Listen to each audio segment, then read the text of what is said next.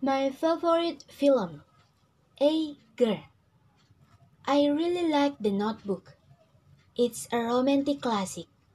The story is about a poor boy called Noah who meets a rich girl called Allie, and they fall in love over one summer. But of course, there are problems. Allie's parents don't approve of Noah because he's poor, and they get spirit. Then a lot of time passes before they can get together again. She goes away to college and he writes to her every day. But she doesn't get the letters. Then after quite a long time, Noah buys an old house which he promised to restore for Allie. He does it up, and she sees a newspaper article about it and goes to find him again. You can probably guess the rest, but it's a bit complicated because she is engaged to another man. Noah is played by Ryan Gosling, who's my favorite actor. And he stops the film being too soppy, but you still cry a lot at the end. Rachel McAdams is really good too as Allie. B Boy I think my favorite film is Skyfall, the last James Bond movie. It stars Daniel Craig again, and Javier Bardem is this really everybody. They're both great, and so is Judi Dench as M. Bond's boss. It's a bit different to other Bond films.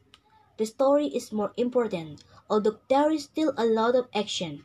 It's really well filmed, especially in the scenes which are shot in Shanghai and Scotland and it's really exciting, of course.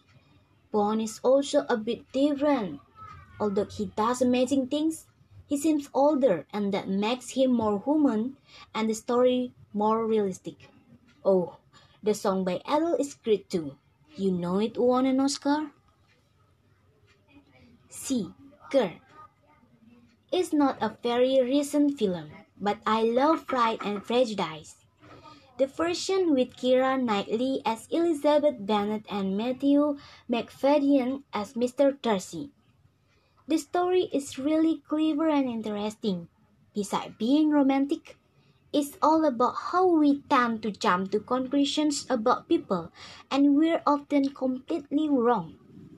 Elizabeth thinks Mr. Darcy is stuck up and snobbish at the beginning of the film, but at the end, she realizes she has been completely wrong, and he isn't like that at all.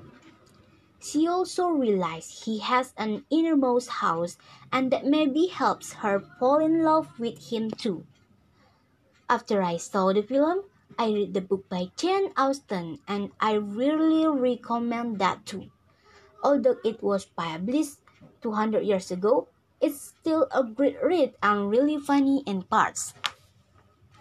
D boy. My favorite film has to be The Matrix.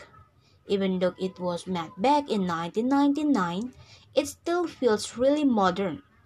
It's about this ordinary man, Neo, played by Keanu Reeves, who works with computers during the day and is a hacker at night.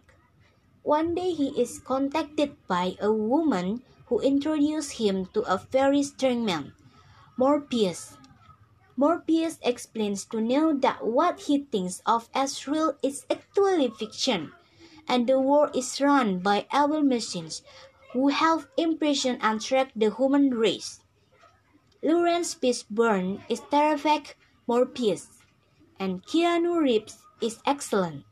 But the best thing about the film is the special effects. I can watch it again and again. E. Girl let the Right One In is my favorite film. There are two versions. The first is Swedish and the second American. I prefer the original Swedish version. It's modern it's a modern vampire film and also a kind of love story. But it's really unsentimental and a bit scary in place.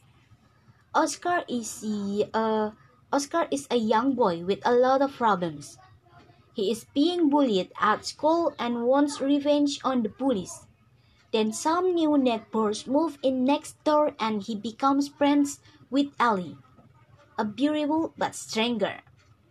I won't tell you any more, but it will spoil the story. But expect a serial, serial killer, a lot of violence and blood drinking.